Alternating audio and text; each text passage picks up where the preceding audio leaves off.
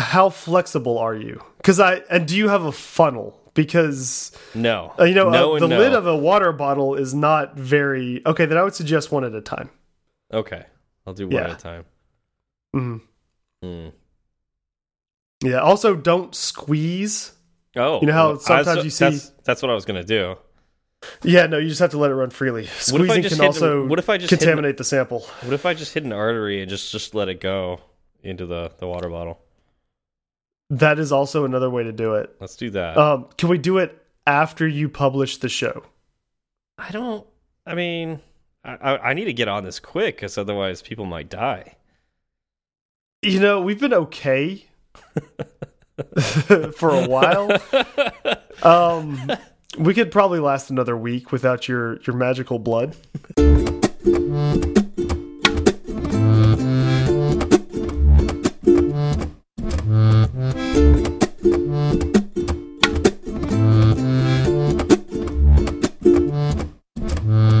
Hi, I'm Steve. And I'm Zach, and this is Fireside Swift. How's it going, Zach? That's going all right. You somehow managed to contaminate me through a microphone. Um, I've never. I've. You were. You're contagious.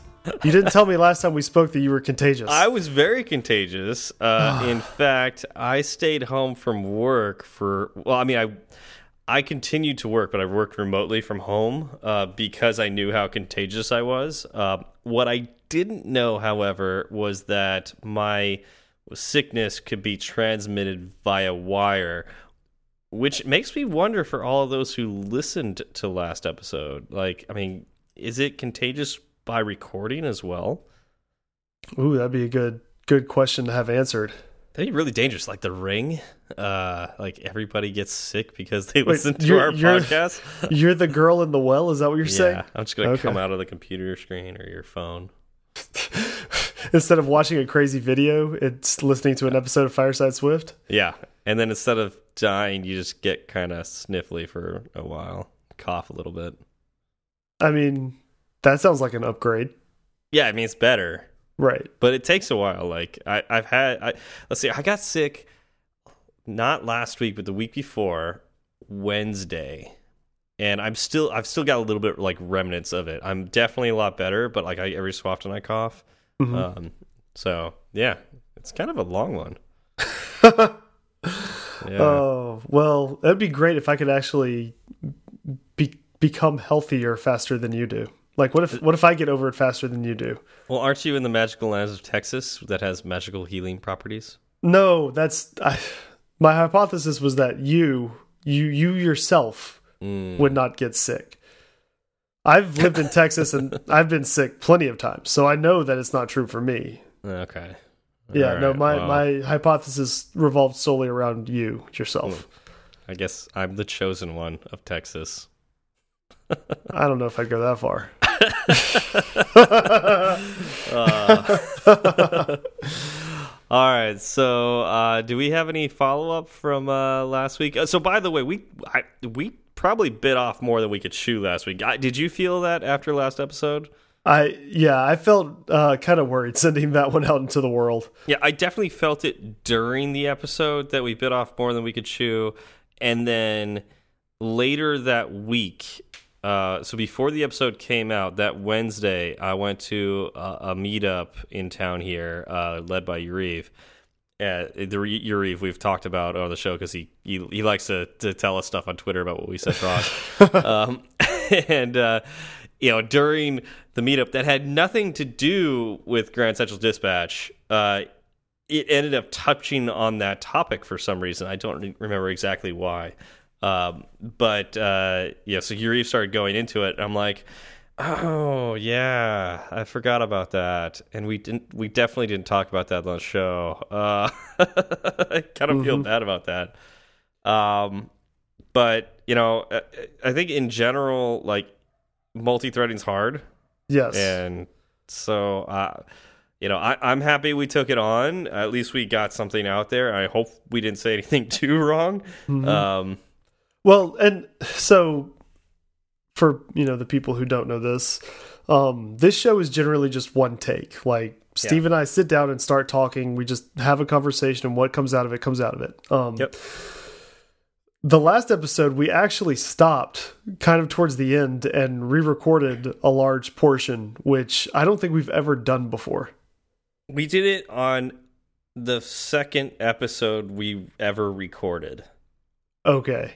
Okay, so two times. And Yeah. with one of those being the second episode. Yeah, and that second episode That second episode was rough. yeah, we recorded re-recorded the whole episode. So this was like a section of last episode. I realized what I was saying was dead wrong halfway through saying it, and and basically told Zach we, we need to stop and, and back up, and I need to say that over again. right. So that's that's how we we felt about it. Um we haven't we didn't get a ton of feedback. Uh so maybe we got it right. Hopefully Maybe or Uh, some of it right. Yeah, I mean, usually we get uh uh you know, if we're really wrong, we get more more feedback, but then again, like I don't know if everybody's listening to the episode, so we may have more feedback uh coming in. Um but yeah, so we did get a couple things. Uh Stephen Sherry uh hit you up on Slack, right? Yes, he messaged me on Slack. He wrote like a small novel uh, regarding So uh, so we got a decent amount of feedback from Stephen Sherry. Yes, yes. Um, he gave us, yeah, he did a very good job. He was very well researched. He covered it thoroughly.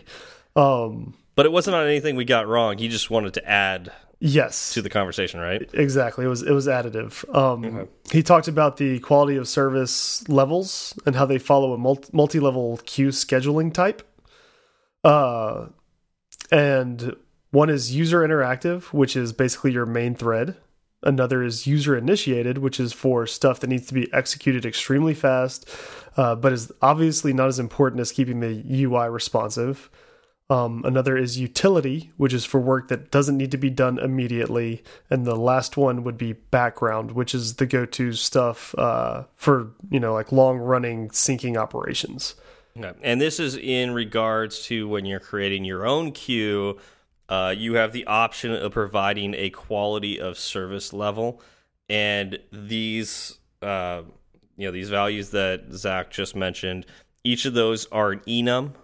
So you just hit dot, and you'll get user interactive, uh, user initiated, utility, or background. You choose one of those, um, and I believe you can you make another one, or you probably could, but uh, I think those are the provided ones. And Yeah, those are the, those are the provided ones. yeah, so uh, I'll admit I've never used this, so uh, you know y- your your mileage may vary on it.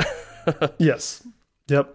And uh, Uh, speaking of Yariv, yeah, yeah. So he did hit us up with uh, a, a little bit of feedback as well. Um, do you want to go into it? sure, uh, he said that you technically can't make network calls using URL session on the main queue. Did we? I don't remember if I actually. I may have said that you could. Um, so that's my bad. That was like a Uh, week ago. I don't remember what I said. Yeah, I have no idea what I said last week. Um, I'm not going to listen to the recording.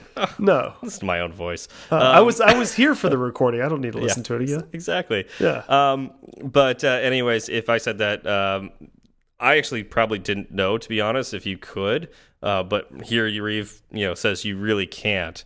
Uh, because URL session will actually, you know, it's got its own queue and it will take over for you. So that's kind of cool that Apple does that. Um, so there you go. And then this is actually something we covered in the meetup uh, was that the purple arrows that uh, in the or the little uh, boxes I was telling you about uh, Zach last week. Yep. Um, that's called the main thread sanitizer, and it's not on by default. Uh, you have to go into the scheme settings and turn it on. And I guess I have it turned on on my Xcode. Um, at some point, I did it. I would recommend for everybody to do that because I, actually, I it probably slows down your compile times or something, but uh, you could do a lot of really interesting things with it. You could even have the entire app stop um, when it notices, you know, pause. You could have it pause when it finds one of these things where you're calling something on the wrong thread. Right. So you're trying to update your UI when you're on a background thread or something like that, like we were talking about last week. Uh, it will you know show all the purple stuff and basically tell you something's wrong. Stop doing this. You're doing something wrong with multi-threading. Uh, so that's the main thread sanitizer. It's in your scheme settings. So check that out. All right, I'll I'll have to because I you know I had no idea it even existed until you started talking about purple boxes showing yeah. up last week. Well, that's why, like in my head, I was like, "This has got to be a setting thing." I don't remember ever turning anything on. I guess I did. I don't remember doing it, but uh, yeah, I, I've seen it because I've made this mistake from time to time. And it's it's easy to do. It's really easy to make the mistake of uh, updating your UI when you're in a background thread, especially if you're using URL session or Firebase or something like that, where you know your callbacks come on a background thread and you're just like, oh, I just need to update, you know, now I've got this information, I just need to update my UI. You don't realize that you're also on a background thread. Right. Yeah. All right. So, Zach, when, when you're trying to learn what the definition of a word is, what do you use? I would I personally would use a dictionary. I'm not sure what what would you use? I would use Google actually. Um I don't you don't have. Would, uh, would, you actually like? You'd actually pull a dictionary out of like a real book? I've got uh yeah, Merriam and Webster both. Who uses just, books anymore? I like the feeling. Uh, like it pens. also it keeps it keeps Nobody, me nobody's in got shape. Pens. Nobody's got books. I, you're the only. I have plenty of pins. I have plenty of pins. Anyways, it turns out dictionaries are more valuable than actual books. You can use them in your code too. oh, oh, I'm, I'm just gonna let you run with that. I'm just gonna let you I run with that. Did That's I fine. just break you, Zach? You kind of did a little bit. I was like, did he really just? He did just say that. I did. Okay. I just said uh, dictionaries are are better than books. Okay, we're just gonna have to move past it. We're just gonna have to keep going. So Zach, what are dictionaries in Swift? Okay, so a dictionary in Swift is a data structure, and it consists of key value pairs. Um, the keys have to be unique. Uh, the keys are hashed so that you know they must be of a hashable type, and then this gives you uh, quick access to your values, right? So if okay, you think wait, of it well, so before we get too far into this, um, we can't gloss over the word hashable. Uh, what is hashable? Hashable is a protocol. Yes, but like let's and, let's think in layman's terms, right? Like uh, for a beginner so it, programmer, it like, means it means well, that you, whatever you put in. Uh, so something that conforms to the hashable protocol. You're, you're getting too be, technical. You're getting too technical, uh, Zach a string or a number is a hashable. like well, like, but those those are two types that conform to hashable, right? Sure, that doesn't tell sure, you what hashable is. I, I, know, but like let's let's be honest. Like, have you used any other real hashables for dictionary keys besides strings? Really? No, it's basically been strings. Yeah, so like, but when we're but to, when, you could you could use anything that that conforms to hashable, right? But, but the reason why hashable is important is it it's because it will take for instance, your string or number, and it will uh, sequence it into a unique uh, sequence. Yeah, which for which makes it term. yeah, so which makes it really easy to find uh, exactly. You know, in, in, a in a list, uh, which is why hashable is so important. But the reality is, you know, your keys, yes, it needs to conform to hashable, but more than you know, you could use a number, but more likely you're going to be using a string for that. Mm -hmm. um, so just I just want to make sure that's out there because we can't just say hashable and assume everybody knows what that means. No, no. Well, I was going to cover it.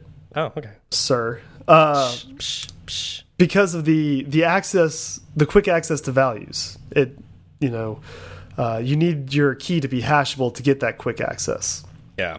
Um, and if you think of something like an array, how do you find a thing in an array? Right. Usually, you iterate over it. Yeah, well, or you can use a number. Or you right? can use a number. Like you could, you could use the index, which is right. But how do you know the index? I, let's let's say I did know. You know, I okay. could use that. Well, uh, yes, yes. That's well, that's the same thing with the dictionary, right? Like you could iterate over the dictionary, but generally we use dictionaries because that key is something we know. It's you know, right, but I'm saying with an array, you may not know the index, so you'd have to actually iterate over it to find that element. With a Yeah. dictionary, you just provide the key and get the element. yes, And so, so you know, your code doesn't have to actually do any looping. You just get it immediately. Yeah. Yeah, no, that's that's great. And uh, again, this is something that you can do with uh, arrays as well.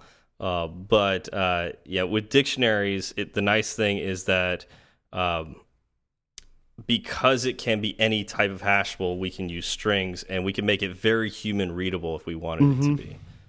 Yes. Yeah. f- For example, uh, I, I like your example here, here Zach. uh, so we're, we're going all the way back uh, to the uh, the Lord of the Rings, and All the way back. all the way back, and so we have a fellowship, right? Exactly. And uh, what's the fellowship going to be? It's going to be a conglomeration of heroes. Mm-hmm. Now, this is this is an unordered set. Like it's not that you know one hero has to come before the other. Uh, they they sit in a circle and uh, you know talk about the ring, right? Right. Um, and so each of these heroes has a name. We could use that name as a unique key for that hero. And so we could say fellowship, you know, open bracket, Gimli, and close bracket, and we can make sure that that object or that part of the dictionary references the Gimli hero. Yes. Exactly. And I, I think that's great. Like I, I will say, like I use dictionaries all the time. Uh, I I really love dictionaries because it it guarantees that for that key, um, I have one object there. So if for some reason I accidentally add another Gimli hero that is of the like the same Gimli hero, I'm not going to get two Gimlis in my fellowship. Right. Now, If- granted, our fellowship could have two Gimlis if they happen to be two dwarfs of the same name, but it doesn't. It doesn't. No. That's a unique key. Yeah. Yeah. Well, and it's something you have to be uh, wary of is Mm-hmm. say you do have two Gimlis and you try to assign it to the fellowship. Now you may have overwritten your other Yeah. Gimli with this new Gimli. Yeah, kick that Gimli out. Yeah, he's We done. don't, we don't need him. Got Gimli version 2, 2.0. Yeah. Uh, so one of the things that's interesting about dictionaries is when you ask for an object from a dictionary by providing a key, it's going to return an optional value. Correct. Why is that, Zach? Well, because, you know, your dictionary may or may not contain a value for that key or the you know the key may not exist in your dictionary. So it can't it can't guarantee that something is returned.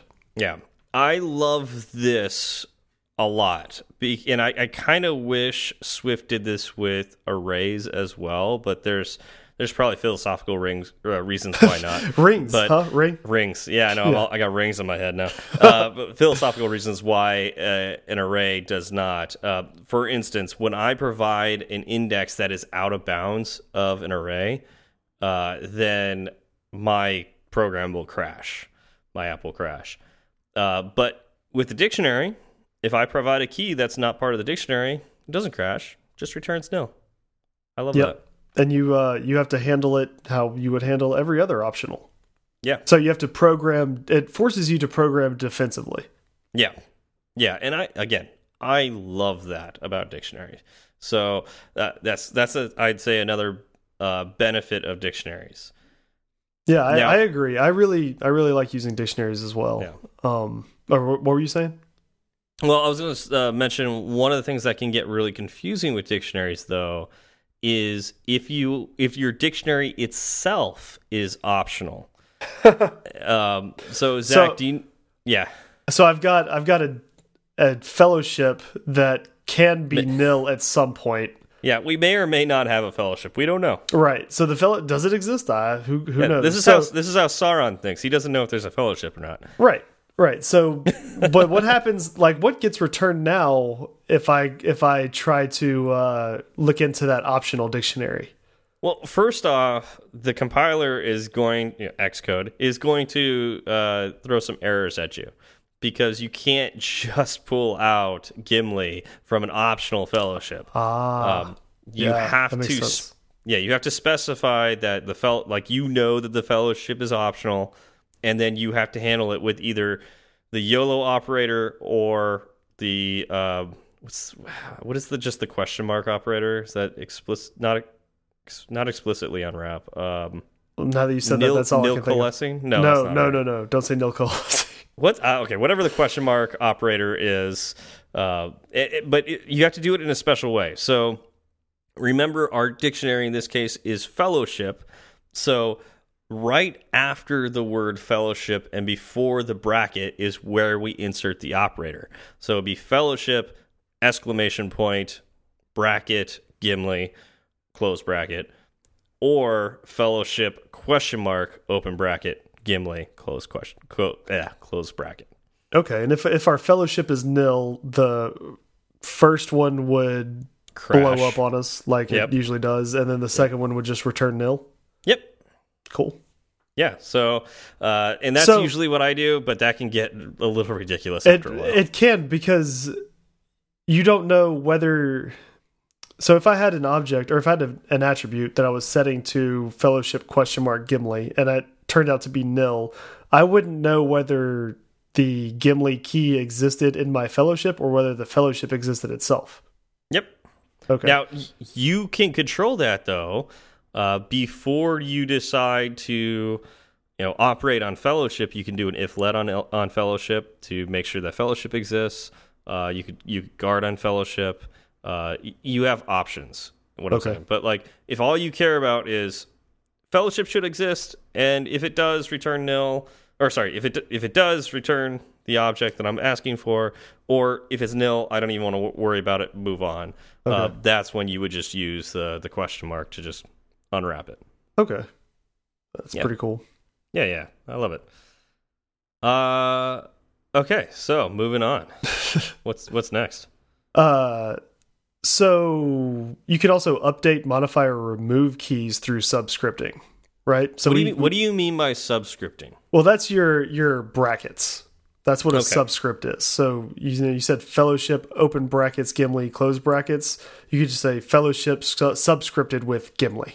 Okay, as opposed to using functions for this Yes, or correct. methods, I guess. Uh, yeah, Um, Yeah, because you so- could do like fellowship dot update. What is it? We had to talk about update value for key. for for key. Yeah. Yeah. Right. Okay. Uh, subscripting is a little cleaner, in my opinion.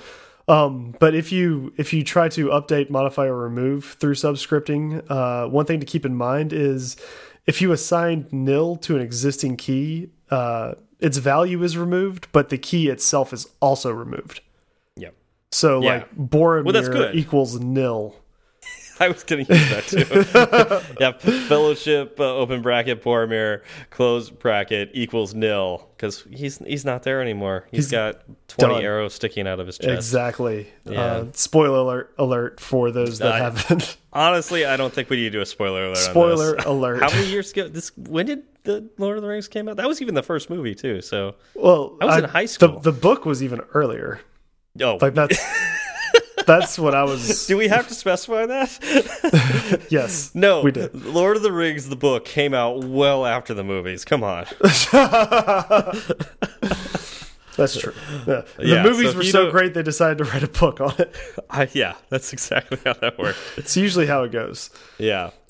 so, anyways, uh, yeah, that's great because uh, you could actually extract all the keys and all the values from dictionaries by calling dot keys or dot values on your your dictionary. So, if we made the key Boromir equal nil in in Fellowship, then if we called the dot keys, which would return an array of keys, mm-hmm. Boromir would not be a part of it anymore.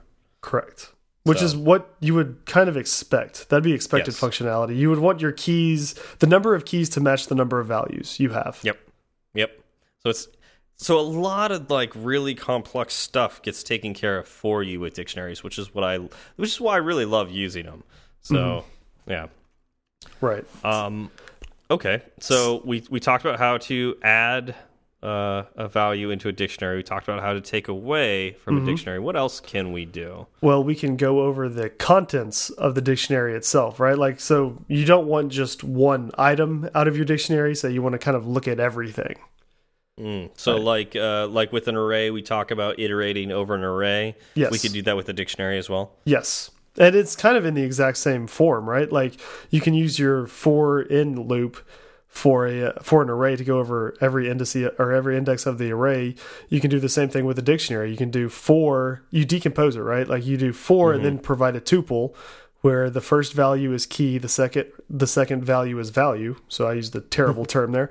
Um in dictionary name and then whatever you want to do. Yeah. Um, Well, and and you don't have to decompose the tuple either, right? You could do, you know, for, well, let's just say hero. Well, that's probably a bad example. Or like object in fellowship. Um, it will object will be a tuple where the Mm-hmm. first value is key and the second value is value. Right, but you have to Um, remember that you're working with with two values there. That. Yep. it's that's a Yeah. whole object. Well, and I, and you know, here's something we're talking about today that you know we really haven't had a show on, so we can't assume everybody knows. Um, we will get to tuples in the future. Um, we realized that when we were discussing the notes for this episode, uh, so we've added that to the list. Uh, we'll talk about tuples. Um just know that in this case, um, a tuple is just an object that came. Uh, an object that contains two or more other objects. Yes. So we'll we'll get to a deeper understanding of that later. But It's- uh, Yeah, it's been added to the list. yep. but in this case, it's a key and a value in one object. Yep. So it's, it's kind of cool. And then if you you know do for open parentheses key comma value close parentheses, or actually you could name it whatever you want. Right. you know, uh, name, comma, hero, you know, th whatever you want in Fellowship, then the the first value will be the key, and the second value will be the value. And that's Yeah. how you would access it inside the loop itself. Yeah, yeah, it's pretty cool. I've used that a lot, um, but uh, something to keep in mind with dictionaries: if you do this, remember dictionaries are always unordered. Mm-hmm. So, you know, you cannot guarantee that when you iterate over this for loop that they will always be in the same order every single time. Correct. Yeah. The uh the another interesting thing or thing to think about there is um the ind indices of the elements in the dictionary will stay static up until you add enough elements to where the dictionary needs to allocate more memory. So and I know if that was that was yeah. a very technical way to put it, right? Yeah. So say Yeah. I have memory. So here, here's the breakdown. I have memory for ten elements, right? Um, Okay. I add nine elements, right? So those indices for those nine elements stay the same. I add the tenth. The first nine elements are still the same indices. I go to add an eleventh. So now, uh, now the language goes and uh, allocates more memory for my array. Well, now the 10 elements that I had in there, they were in this specific order beforehand. Now they could be shuffled Yeah. and be put Yeah. anywhere in the dictionary. So, for peace of mind, always assume your dictionaries are in a random order anytime you iterate over them. Like, It, it, there is this technicality where if you really want to dive into it, if your dictionary hasn't changed in any way, it should still be in the same order, but don't assume that. Uh, so here's what, well, so what the, I, I think this is interesting. Uh, the Apple Notes actually says use a dictionary literal to contain ordered, you know, an ordered collection of key value pairs. But if you did that, you lose the ability that we love in dictionaries where you can specify a key to get a value out of it. You Right, can't the do whole, that anymore. The whole purpose of a dictionary.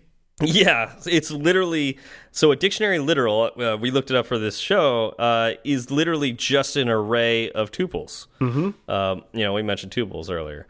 So I don't see what you're gaining with a dictionary literal that uh, you get with uh, you know a dictionary, except for the fact that uh, it's ordered, uh, but it has the same problems as an array. Where now we could have two Gimlis that are literally the same object, which Right. is not what you want. You know, so a dictionary literal is a way to get yourself into trouble. So I know the the Apple docs say to use that. Don't do that. I think you're gonna you're gonna have a bad day. for sure. And and I'm just curious if anybody's listening listening to this and has used a dictionary literal before. Um, let me know because I'm curious what the use case was. Um, and I'm not saying that you did it wrong. Like you know, I'm just I'm just curious in what uh, situation would a dictionary literal be used. I mean, I can think of reasons to use it, but not like if I'm using a dictionary, I'm thinking I want again for this key one object associated with it. Okay, right? so why would you use a dictionary literal? Uh, well, let's okay. So I get again if I had tuples and I needed an array But- of tuples in an ordered not- list, that's what I would use a dictionary Right, literal for. Right, So, but that's they like- they they set this up as Yeah. as uh kind of an extra or or an added Well, I mean, let's piece so of Zach, like, functionality if, for if, if I dictionary. if I needed to show like a table view, right, and that's an ordered list, and these objects always have a key, and I want to keep that separate from the object, but I still needed this ordered list to show the the rows in a table. Uh, table view, uh, a dictionary literal would solve that problem. But again, I don't think this is the right way to do this, and this is not what I do with my code. Uh, what I do is I keep a separate array of sorted keys. And anytime I update my dictionary, I also update this array of sorted keys. And the Right. keys are, you know, I use the same value, the the same sorting algorithm every single time I sort these keys. And this is what I iterate over to have a sorted list for my dictionary. So Well, I guess my main complaint is a dictionary literal is not a dictionary. yeah, that's my complaint too. That's that's my main complaint. Like you name something dictionary literal and it's not literally a dictionary. it's it's figurative. It's exactly. it's not a dictionary anymore. I- like so that's my problem with it. Didn't uh didn't Webster's update the definition of the word literally because people use it wrong so often that it like literally means uh that it definitely is that thing and also it isn't that thing. I I did not know that. Uh, Yeah, I'll uh, have to. Yeah, we'll have to look that up. I'll have to look that up, but th because I think Webster's is the one that like uses everyday speech, and because people literally, Literally. use the word literally to mean figuratively enough that if you're going to understand the word literally, you have to know that some people use it wrong. so it's the definition is the opposite of what it actually means. Perfect. Well, I think that whoever created the term dictionary literal was using it that way. Yeah, they looked it up in Webster's, uh, which is why you should use Google instead of uh, a dictionary to look at words. But then what would I do with this massive 5,000 page book? I don't know. I, do you actually have a dictionary in your house? No, I do not. Okay, because I I definitely don't. I mean, I have physical books, but I don't have a dictionary. Yeah. No, I remember growing up, we had a dictionary in the house because here. that was before the internet existed or fully existed to the point of penetrating, you know, houses for home Yeah. use. Uh, and I had it I, I remember a big deal was getting a CD-ROM dictionary oh, yeah. Yeah. because CDs were so new, but it was like, oh, this could contain a whole dictionary's worth of words, and so you just pop this in and wait five minutes for the mm-hmm. program to load, yep. and then you could actually use it as a dictionary. I was like, Yep. yeah, this is pointless. And you pull you pull the book out and it weighed about 25 pounds and the pages were paper thin, but Yeah. the book was still somehow like Wait, wait, a wait, wait, foot wait. thick. The pages of the book were paper thin Literally. Because they were were, were they made of paper? They were. maybe. Yeah. no, so they were like they were, but they were thinner. They were like They were half thinner the than size I know. of What, a you, I know what you're trying to say. Yeah, like my I'm taking advantage of the fact a- that you're you're sick this week. You're Yeah. sick this week, and so you're not thinking oh clearly. they were literally paper thin, and I can I'm Awesome. using that in the correct way. You are Uh, you are using that literally correctly. But you could see through the pages; they were that thin. Yeah, But it was somehow you know a, a foot thick. yeah. No, it's, there's a lot of words. We uh we talk a lot, and um, I mean I think you and I have demonstrated that. This is what episode 51. Fifty one. Yeah. So, and I think we've used like three of them. You know, three of those words. Mm-hmm. Wait till episode fifty two. We might branch out to four. Ooh, that sounds tricky. We've literally used three words.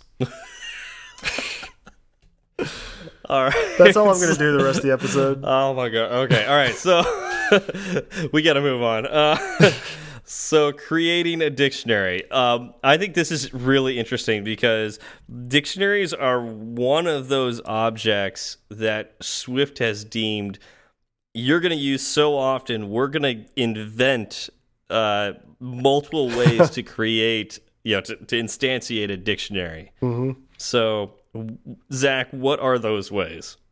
Okay, so the first way, um, you know, you can say var fellowship colon, and then open brackets, um, your key or what what type your key will be, colon, what type your uh, value will be, close brackets equals, and then you have the open and close brackets with the colon in the middle without anything. Okay. Uh, that's a really hard thing to explain verbally. Yeah, and, yeah, and that's that's supposed to signify an empty dictionary. yes. Yep. Uh, the second way, you know, the first part's the same. It's var fellowship, but this time you have an equal sign.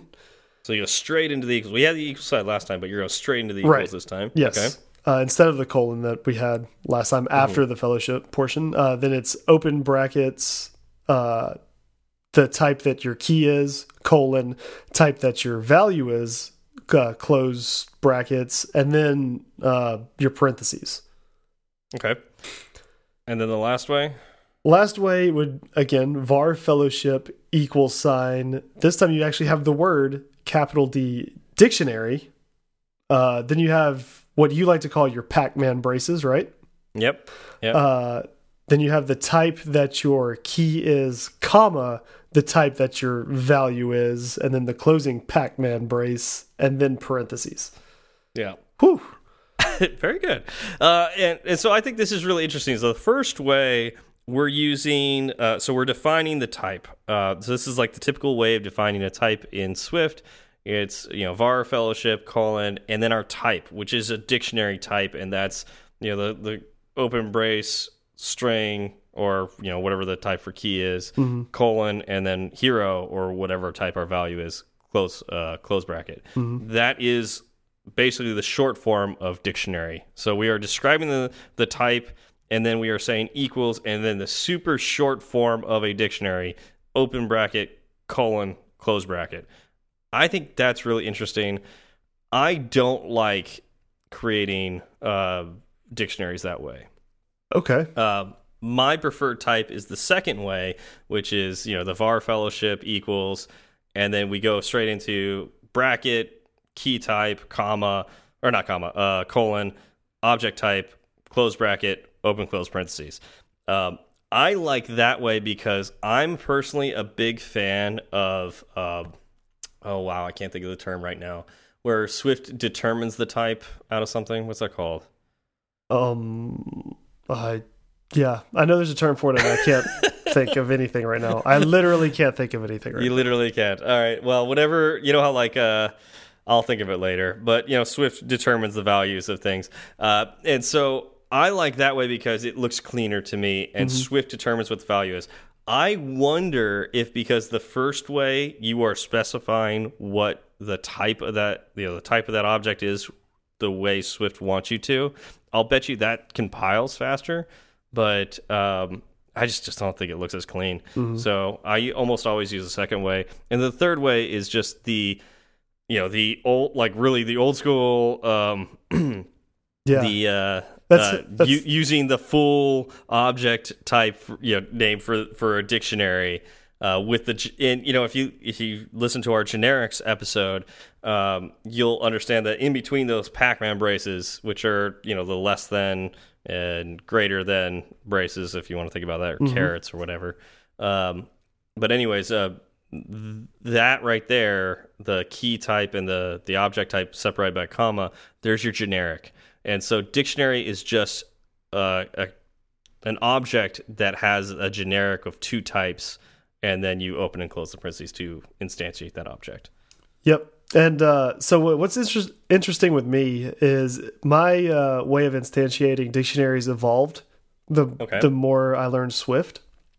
Um, I started out using the third way Okay, because that's interesting. Well, because I was coming from a Java background where I used array lists a lot, yep. and you would instantiate array lists by saying, you know, array list, and then you'd have the uh, Pac-Man braces and the type that you want that array, array list to contain inside the Pac-Man braces, right? So because array list is also generic so exactly, and so that that was what I was used to seeing in this kind of scenario. Um, Then I moved to the first way because I thought, uh, you know, I was I was fully stating like I have an empty dictionary, right? It says equals, and then you have just like the uh, open bracket colon close bracket. There's nothing in there. It's a dictionary, good to go. And now I use the second one and and why did is- you switch the second one just because it's a little cleaner. okay It's it's Yeah. less typing, right? yeah So it's Yeah. it's kind of funny. I started with the third, then I went to the first, and now I use the second. Yeah, part part of the reason I bring this up is uh, at the meetup on Wednesday, uh, Yariv, who was leading it, uh, he used the first way because he liked that way. So I, I just thought it was interesting. We all have our different ways that we do this, and there's no right or wrong way. It's just whatever you're comfortable with. Now, if you're working with a team, you got to make sure your entire team is, uh, you know, uh, on, the, same, page. And uh, I will admit, uh, Raghav and I sometimes uh, have arguments here. Uh, uh, well, because like another thing is like, do you put a space after like when you you know describe the type for the key? Uh, do you put a space between that and the colon or not? Mm. Yeah, Some people don't, yeah, and there's no right or wrong way. It's just I don't. I like to put the space there. Um, so I like to keep it spaced out, you know, a space on either side of the colon. But you know, uh, not everybody does. So, and there's nothing really wrong with that. It just it's up to yeah. you. It's just different stylistic choices. They all do the same thing in the end. Yeah, just make sure you get on the same page with your team because it gets really confusing if it, you don't. Yep. So it also has, you know, you can also create a dictionary through one of its five init methods. Oh yeah, I forgot about that. Yeah. So uh, that's and that's a way that you really don't see um, initialization of dictionaries that often. Yeah, yeah, I to me it, it would make the code harder to read. sure. Um, because the first three ways you do it, or the we we just covered, it, you kind of explicitly state this is what I'm doing. Yeah. Um, and and it's not quite as much. Well, but like in general, the open and close parentheses is a substitute for the default init function, right? Right. Um, but And so, like, but there are several other init functions within dictionary, and so you could add parameters in in init. But yeah, I think in general you don't need to do that. right. Right. But- But there's probably reasons why. Uh, so, like, we'll just throw one out there, and there's other methods. And honestly, like, I never use these, so take this all with a grain of salt. Um, you know, one of them that uh, you know we noticed was uh, minimum capacity. So you could do an init with the minimum capacity as a parameter within that init function, and it it will pre-allocate space for that dictionary to a given size. So if for some reason you know you're going to put a whole bunch of data into this dictionary and you don't want it to uh, you know uh, reallocate memory over and over and over again you can pre-allocate a whole bunch of memory and it'll do that once. It will find a chunk of memory somewhere in the system and and pre you know just get it ready for this dictionary to go into and then start adding to it that could make uh, stuff really fast uh, Mm-hmm. if you're doing like certain algorithmic type you know type stuff Sure. but uh, in general i've never had to do that so Yeah, I guess another uh, another benefit of that is your your indices for your elements would stay stable longer. i would think so yeah absolutely but again i don't know why i would use that but Uh, you never Not You sure. never know. Yeah. I, I remember in college, uh, this was a big deal in MATLAB.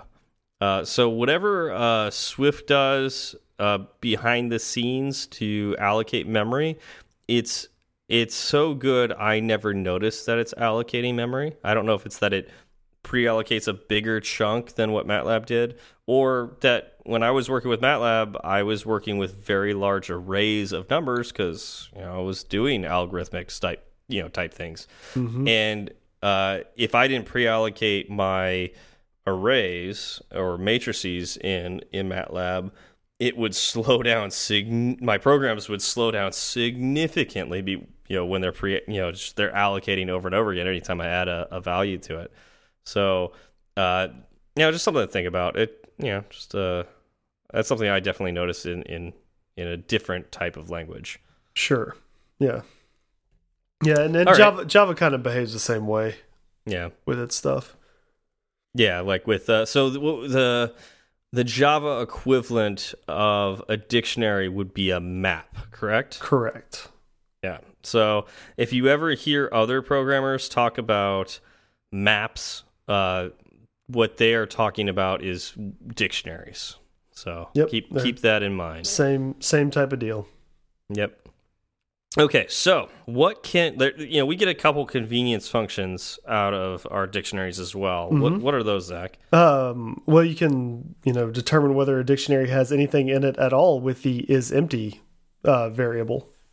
And that could be super valuable for cutting corners and all that. Exactly. yeah, like I don't want to do any. I don't want to iterate over this or anything. I just is it empty or not? I just Mhm. that's all I care about. yep. Um, yeah. Uh, you could also get the count of the dictionary, so you can count how many. Like you just ask dot count, like how many val key value pairs are in this dictionary. Yep. Um, the interesting thing with both is empty and count is that if you look at the documentation, both of those are listed twice, yeah, I thought that was interesting.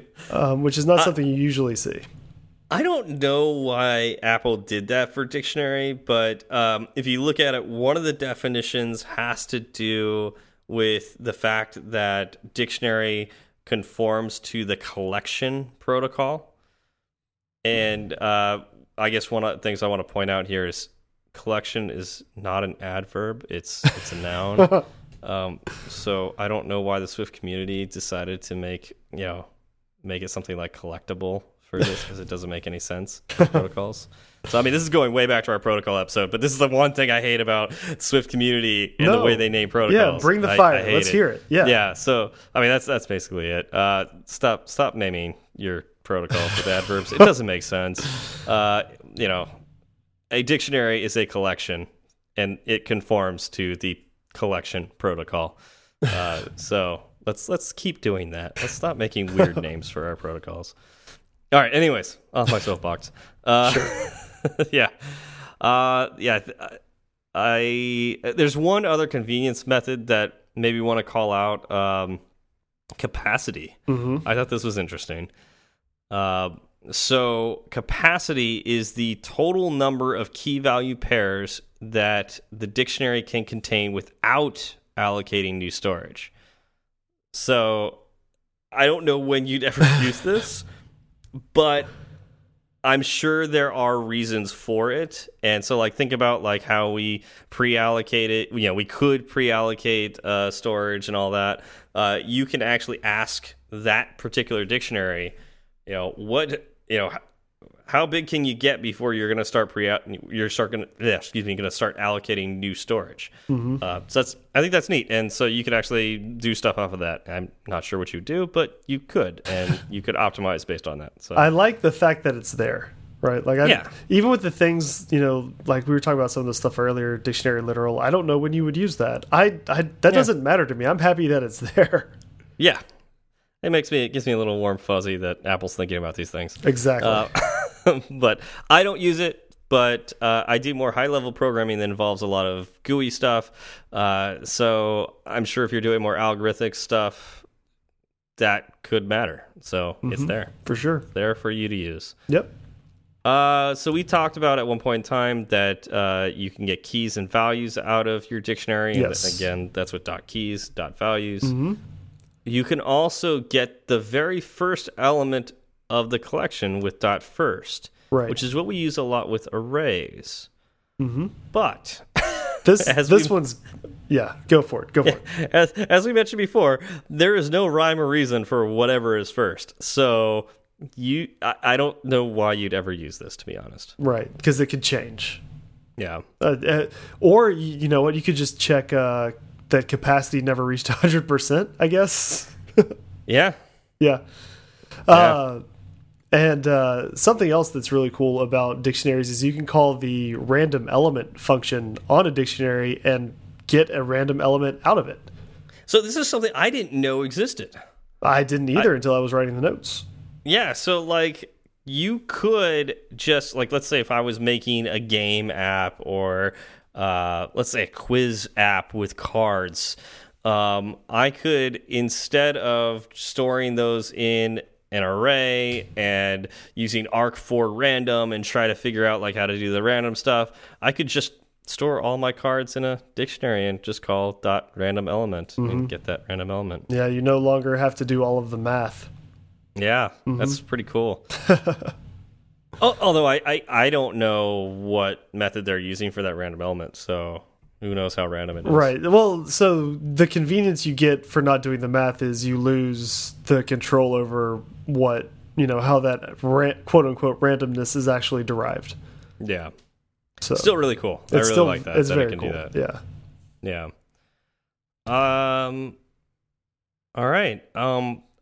Basically, well, let's. I think the the really the last thing we need to cover is that uh, this like dictionaries also uh, use map, reduce, compact map, sorted, shuffled, uh, and you could transform your dictionary into arrays using these methods. Um, all of those methods are for functional programming. Yes. Now, we talked about all of those, right? We We did. did it was ep episode 46 uh, titled Accidentally Functional. That's right. That was Yeah. our episode on functional programming. And I don't know if we went into full detail on all of these, but you know, this is a way of taking your dictionary and iterating over the values and creating arrays from, you know, for for reasons, you know, that you want. So Yep. uh, yeah. Uh, so if you're curious about those uh, those methods uh, or those functions, uh, go ahead and check out that episode uh, where we talk about functional programming. Yep. And uh, it's kind of neat what you can do with dictionaries and, and arrays. So Sure. yeah. All right. Uh, is there anything more that you think we should cover on this, Zach? No, I mean we there's there's more out there. Sure. but this episode is already running kind of long, so uh, we should probably start wrap or wrap it up. Yeah, and, and I guess the one thing I'll say is, man, I use dictionary. I mentioned this, but I'm just going to say it again. I use dictionaries all the time. Yes. Um, especially for Firebase, which again I talk about a lot because I use it a lot for work. Um, you know, something like Firebase is, you know, everything's key value coded. I mean, well, I guess you could have arrays in there, but uh, most things are essentially dictionaries Right. in their form uh, in your database. Right. And so it's just really nice to take that dictionary from my database and put it into my code as a dictionary and iterate over it as a dictionary. And it's kind of nice all the tools Apple has given us to modify dictionaries to use them uh, in, in many different ways. So it's really, really cool. It's one of my favorite objects that uh, Apple has given us. Yeah, same here. Um, you know, anytime you get JSON back, it's a key value pair. It's, Yeah. it's it'll be Well, in it could- dictionary. It could be an array as well, but usually Uh, it's a key value I've pair. I haven't. Oh, so I've never dealt with uh, uh, JSON response that's an array. I'm, I'm just gonna. I've I've I've had them. Okay. And sometimes it's good, sometimes it's bad. you know, when it's an array, when you expect it to be a dictionary, is when things go wrong. right. But, so uh, yeah, but yeah, no, I I love dictionaries. They are actually my favorite data structure. Um, you know, I just went job hunting. Mm -hmm. Dictionaries came up on most of my interviews. In fact, the really?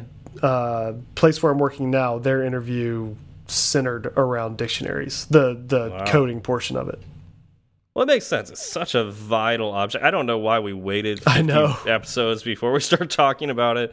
Uh, but it's yeah, it's super valuable. Uh, so uh, you know, I'm glad we got a chance to talk about it. And uh, you know, I don't think we talked about sets yet, so we'll have to talk about them uh, sometime in the near future as well. Yep, sets and tuples and Yep, all sorts Yep. of stuff. Yep. It's amazing how many topics there are in Swift. I know. At least at least 51. Uh, Well, some of those were just us. So let's say f- at least 48. Okay. All right. Fine. At least 48.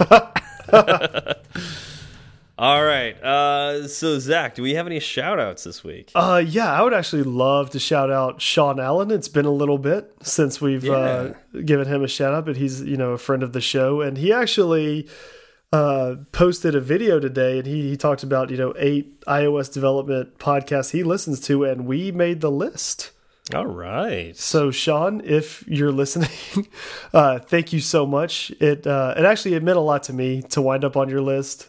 Um, you actually did a similar video right after like we started recording, so a little over a year ago, I guess. And of course, we weren't on it because there's no reason why we should have been uh, for the first few episodes. Yeah. Um, and I remember watching it and thinking, if we can make a list like this, then I'll feel like we're doing good, or you know, we're do we're doing well. And here we are, and we're on the list. So I'm I'm actually very honored to to have made it on there. Well, yeah. And, and Sean was actually one. Well, one fourth of all of the guests that we've had on this uh, this podcast. So, yes, twenty percent or twenty five percent. Wow, Oh, jeez, my brain, my brain, it hurts. My brain, it people, hurts. people will stop respecting us if we can't do basic math. Come on. I, I got there. I, I corrected myself. I You corrected did. myself, You and did. that's with remember- all the medication. Do you remember what episode? Oh, I think it was episode 15. Uh, what was that title? I'll go look at it real quick.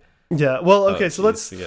let's. uh I do want to actually say, you know, Sean has his own podcast now, and he actually that's right. Yeah. So him, he and uh, Paul Hudson, they Yeah, combined. yeah, I guess so- I guess they came on our show because Yeah. Paul Hudson was also a guest, Yeah, so that's that's a combined, uh, you know, fifty. That's fifty percent or forty percent if you want to do my or forty percent. Yeah, one of the. Zach's math. Fifty percent of all the guests that we've had on our show decided to get together and do their own podcast. So I think that's really neat. I'd like Uh, to by the way, uh, Sean Allen's episode was episode fifteen. What's my YouTube channel name? there you go. Um, yeah, I'd like to think that they came on our show and they probably thought, well, we could do that. yeah, that doesn't seem that hard. yeah. And you know what? They're right. Yep. Um, they're correct. Jeez, now what's Paul? Uh, what's Paul's? Uh, Paul's episode. yeah. Um, I was, oh, 43. That was episode 43. 43. Yeah, that wasn't that Now I- long ago. Yeah. Oh, I gotta find what it's called though. Oh, Just, just promise you're not going to make me do any more math tonight. I, I won't make you do more, Oh, more math tonight. Good. Thank You you. heard it here first. That is the name. We gotta. I mean, I love that we have our names for for our episodes, but man, we gotta find a better way to make it easier. Look it up during the show For sure. Um, but yeah, so congratulations to them. Uh, the first episode is out right now. I'm halfway through it. I'm kind of bad with when I'm listening to episodes uh, of you know other podcasts. uh, so uh, you know, it's great. Go out there and listen to it. Uh, yeah, and uh, let us know what you think of it too. Um, yeah, I don't think we have any uh, any more uh, uh, uh, Swift coders things to talk about, do we? no, not that, not that I know of. Okay. Um, okay, I think that's uh, I think that's all we uh, we got this week. Okay. Thank you. Uh, yeah, it's, it's great talk with y'all, and uh, we'll see you next week. Y'all have a good one. It's such a good feeling to be at the end. A happy feeling that there may have been a mistake or two. So we'd like to hear from you. Twitter's great, Breaker might beat it.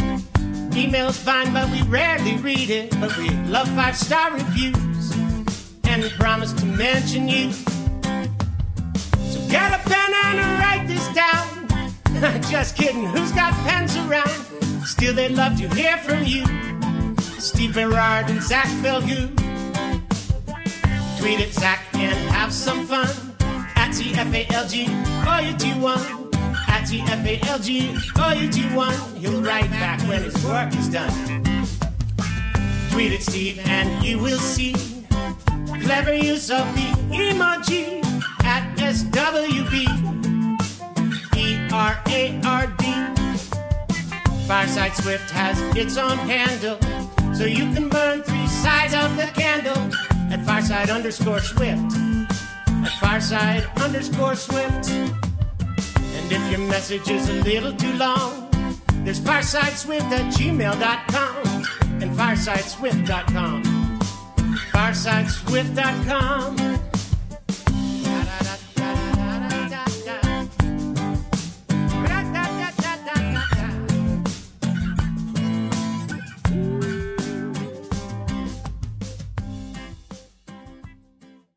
Are you a fan of prestidigitation? Wh- what? Pressed what? Prestidigitation? Pressed? What is pressed? It's magic. Pressed? Magic. Like, Come on. uh, I, I thought you were cultured. Uh, apparently not. Oh. Um, I, I mean, okay, so when I was growing up, man, I wanted to be a magician so bad. Like, you know how like uh, you would get like those little um, the magic kits from like the like Yeah. a hobby store or Yep, something like that. I had one as well. yeah, I had it. I mean, I had several. I think Um, Several. Did they yeah, all, 'cause I- did they all disappear? yes, I made them all disappear. or my parents made them disappear because I played with them too much. The true Um, magicians.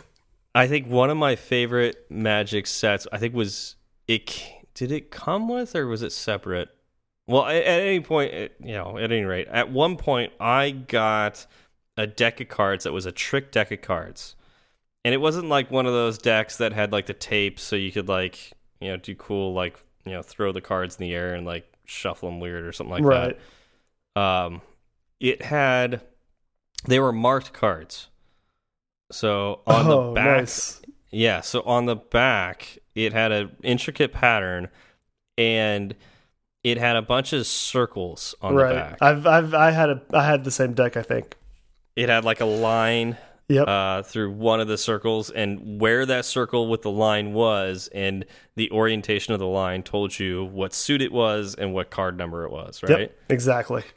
I loved that. I thought that was so cool. Yep. For sure. I that was I so I've I've been a fan as well. Uh but there's a, a show on Netflix that I just started watching. And if you Okay. are a fan of magic, then you will like it too. It's called Magic for Humans. Mm. and it's the, the host goes around and he just does street magic but he's really uh witty and it's very comedic Okay. um I think a good ma ma- uh, magician is comedic usually. i agree Like look at look at Penn and Teller Yes. and like you know all those. Yeah. yes so i i would uh suggest you go and watch it um like he he does some stuff with kids that's hilarious uh Mm-hmm. so you know the the stanford marshmallow test for self-control uh, oh yeah, were- you put one marshmallow in the Yes. front, or you Yes. could have two marshmallows later. Yep. Right. So, um, like one of the very first s- scenes of the very first episode is this marshmallow test. Um, and so he's sitting behind the the one way mirror and he's watching the kids and um he walks in and said or you know before that he walked in and said you can have one marshmallow now or you can wait 10 minutes and you can have two and there's a plate with a marshmallow on it and uh like a red solo cup next to it and he goes you know if that you can use the the cup to cover the marshmallow if it's going to be too hard for you and the kids are like okay and so he walks out um and it shows the kids and a couple of them go and they they turn the cup over on the marshmallow and of course they're kids so they go and check it later, right? And they go and they Mm-hmm. lift up the cup, and the marshmallow is gone. Okay. And so cool. they they lose their minds, right? Because they're like, "What what happened?" And he walks in later uh, after the ten minutes is up, and he goes, "Oh, you ate it." Oh, okay. Well, it's okay. I mean, that's fine. and one one kid like uh he starts crying, right? Like he's like, "It was it was Oh. there." And he goes, "No, here, you can have this one. Just just here, take this one. Is that is it good?" And the kid's like, "Yeah." And uh so uh, then the guy goes, "So I think the first part of our test is a success. We made a kid cry." Um, and he goes, "Now to make things more interesting, I'm going to be in the room with the kid as another participant." And so it's him and another kid sitting at the table. They both have a marshmallow in front of them, and like the helper comes in and says, um, basically reads them both the rules, right? And then she leaves, and he starts kind of applying peer pressure to them, right? Like he'll like touch the marshmallow, and like there's one where he picks it up and actually starts eating it. And like the kids, they don't know how to react. They think like this is not what we are supposed to be doing. Uh, but like he he gets one girl's marshmallow, and he turns the cup over on it, and then when he lifts it up, it's a bunch of little marshmallows. And she goes, she slides it over to her, and she goes, "That was impressive." um, and then he uh, he eats his. That's what I was expecting. Right. I was expecting like the cup and then turn it into two marshmallows when they lift it up. well, so yeah. it gets better, right? Like, Okay. So he eats his marshmallow and gets the kid to eat um, the kid's marshmallow, right? So they both eat their marshmallows, and then he takes the cup and he turns it over on his plate and he snaps and he picks the cup up and he has another marshmallow there. And so the kid gets, you know, wide eyed and he turns the cup over on the, uh, the kid turns the cup over on his plate and snaps and lifts it up and there's no marshmallow. and he just kind of shrugs. And then there's a there's another girl, right? So he's sitting at the table with a girl. He eats his marshmallow, and the girl is like, "I don't. We're not supposed to do that." And he goes, "Okay." And then uh, she he like waggles his finger at her plate, and her plate like skims across the table to him. and he eats hers. And yeah, then he eats hers, and she's like, "What?" And but then he starts like choking, and he coughs up a marshmallow, and he puts it on the plate, and he coughs up another marshmallow, and then he sneezes out a marshmallow, and then they cut away from that, and then they come back, and he has like this mountain of marshmallows on the table in front of him, and he goes, he stops, and he has this like bewildered look on his face, and he goes, "I." I don't know what just happened here. And she looks at him and she goes, You've been coughing up and sneezing up a lot of marshmallows. I gotta watch this. That it's sounds awesome. hilarious. It is so good. Uh, I highly, highly recommend it. I think you'll get a real kick out of it. All right, I'll check that out. That sounds awesome. Magic for humans. Magic for humans. Yep. Uh, have you seen any like live magic shows, like gone like to Vegas or Yes. anything like that, and seen some of the Yes, so- professionals? I uh, I saw David Copperfield once when he toured, and Okay. I I went to a Siegfried and Roy Roy show uh, Oh, like cool. decades ago when they still had tigers. Man, I, I, yeah, I haven't seen either of those. Are Yeah, they they, I assume they're really awesome. Really, really awesome shows. What was the coolest trick that they did? Oh? I so I remember one of the remember, ones I remember from David Copperfield is uh, he came out into the audience, and I remember this because I was sitting on the aisle, and I was Mm-hmm. young. I may have been like 10 Um, I was sitting on the aisle, and he came down the aisle, and he grabbed a girl like two rows behind me, and uh, brought her out into the aisle, and then he made like this origami rose, Mm-hmm. and then uh, he turned it into a real rose Oh, cool. and I was like six feet away, right? Yeah. And so I was stunned. So Yeah. that probably wasn't the coolest trick he did, but it's the one that stands out in my mind the most because he was right there. Yeah. Yeah. Oh yeah, yeah, I can see that. Um, I saw Penn and Teller in Vegas. I want to say like three or four years ago. hmm Maybe not even that long. Yeah, something like that. And um, oh, man, I'm trying to think what was the coolest thing they did. So, I mean, this one's kind of hard to like just really quantify, but like some guy like gave his iPhone to some you know to to Penn and Teller, and First of all, bad move. Just yeah, that's bad move, bad move. because he immediately lost it. right. Um, yeah, they made it disappear, and then Penn, uh, call I think Penn or maybe Teller called uh called the guy's phone, and there was ringing in the the audience, and it turns out that it was under somebody's chair, in a like wrapped in a box, in a fish. In a you know, in, in a bag in a fish they, they, they had to cut the fish open and pull it out of the bag and pull it out. There's you know, it was Right. in the bag. They are Penn and Teller are incredible. I've never actually seen their shows, but I've watched a lot of the stuff they they've done on TV. Um, have you seen them do their? Uh, so they do the cup and ball like trick, but they do it with clear cups, so you can see everything they're doing. Uh, you know, they did they did something like that. Not that, but they did one where they showed the audience the whole trick. Yes. Um, and this one, I'm trying to think what it was. It was just a a simple. Oh gosh, it involved Teller smoking a cigarette, and then at some point in time, he like puts the cigarette, like he he looks away from the crowd, puts the cigarette in his ear. he moves his fingers back to his lips to make it look like he still had the cigarette blows out the smoke from when he initially inhaled, so it looked like he still had the cigarette. hmm But then he like flicks his hand, and the this obvious, you know, the cigarette's gone. Right. But it's actually just in his ear, and then he can make then he makes it you know reappear. Um, and so they do it really slow, and uh, Penn walks you through like each of the steps and how he did it, and it's like it's really neat. the the amazing thing to me is it's very it's not very often where a magician will show you how he does the trick and it's as impressive as you not knowing how the trick was done. Yeah, and that's yeah. that's Well, what i got out of the cup and ball thing. Like you can see them like palming the balls and dropping them and how you know they do it all and Yeah. like to have that kind of dexterity in your hands would be incredible.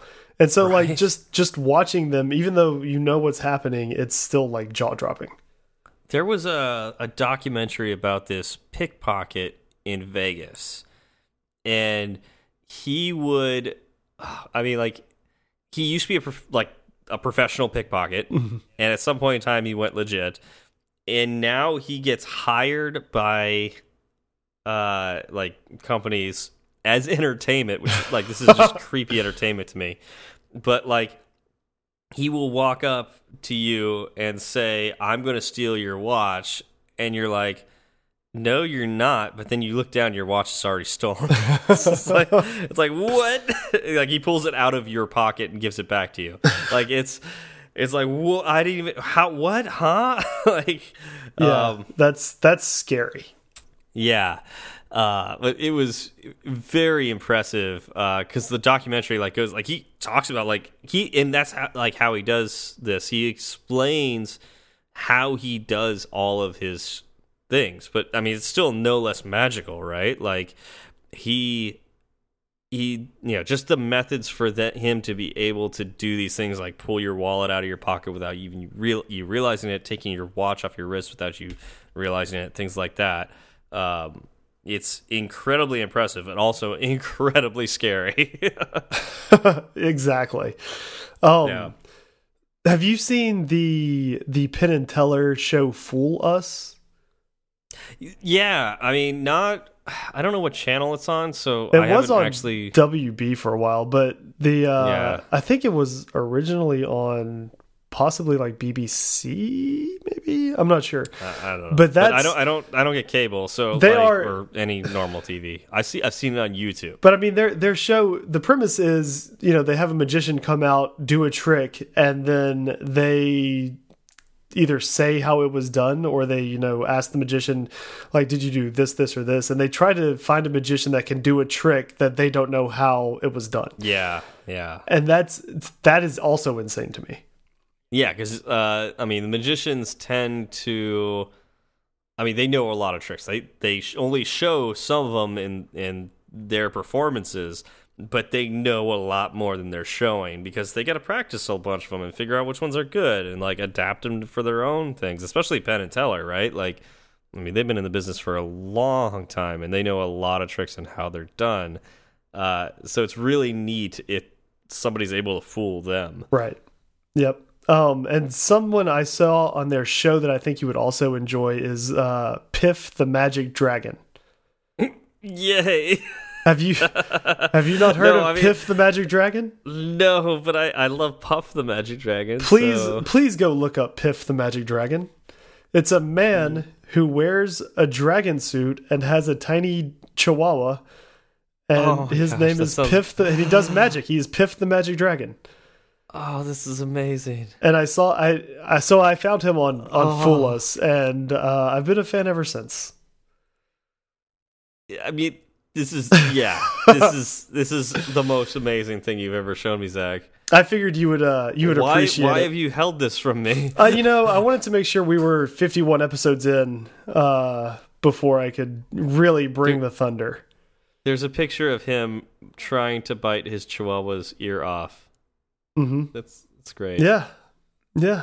So uh, watch a bunch of his YouTube videos. You'll love it. I, I think I need to. It's- this looks amazing. It's his kind. Like he's he's very humorous as well.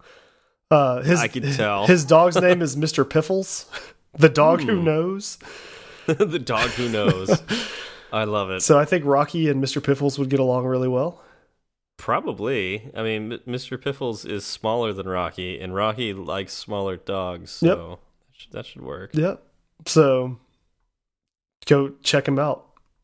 This is amazing. You're welcome. By the way, Puff the Magic Dragon was like my favorite cartoon when I was a kid for Uh, a very long time. Well, were you watching the right thing? Because Puff the Magic Dragon wasn't a car. Oh wait, no, no, no. I'm thinking Yes, of it was. yes, it was. I'm thinking You're of thinking of Pete. No, I'm thinking of oh god, that's the really. So, uh, have you ever seen HR Pufnstuf? No. If I don't know. I don't know what that is. Should I should I should I look that up? Uh, yes, yes, you should. You should look up H- HR Pufnstuf. It's a uh, it's a Puffins. Yeah, it's like a puppet show from the late Oh, gee, '60s. whoa, that is creepy. Yeah, first episode date I've s- 1969, final episode date 1970, January I've 3rd. yeah, I've seen this. This is a British show, right? Um, I'm not sure. I watched it like I remember my grandmother showing it to me. Oh, this is the creepiest thing. It is- I've- like this would give me nightmares. Scary as hell. Yeah. Ugh. Mm-hmm. Yeah. No, no, no. So it was it was produced uh for NBC. Really? Yeah. How is the how was this legal? It was the 60s. This His so name is creepy. Puffin Stuff.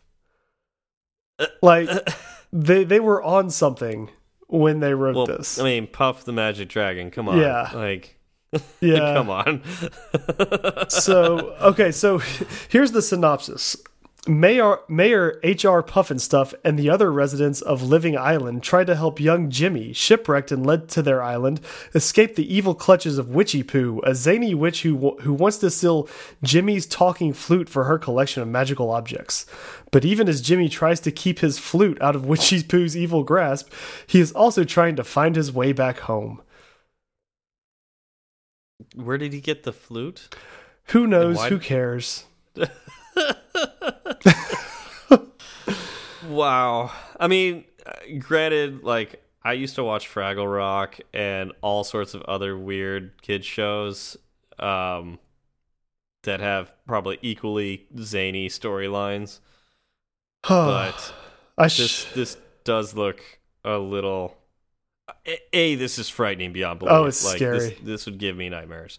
But um, I should have watched this when I was taking the Yeah. medication yesterday. Seriously, I mean, like some of like they have scary trees in like the pictures that I'm looking Yeah, at here. yeah. and, like the trees are frightening. They're horrific. There's like a rat. What is this? Pufnstuf the movie. There's a movie, and like the witch has like a a henchman rat that would give me nightmares. yeah. What are these? Like some sort of weird fungal octopus creature things. Yeah, I don't remember much of it. I just remember like I think I watched one episode and it's it was so like traumatic. It has just driven itself into my brain and I will never ever forget it. Oh man. HR Pufnstuf. Well, there you go. Mhm. Now I won't sleep. Uh, you can watch Piff the Magic Dragon. It'll be fine. Yeah, that's that's better than this. Yeah, for sure.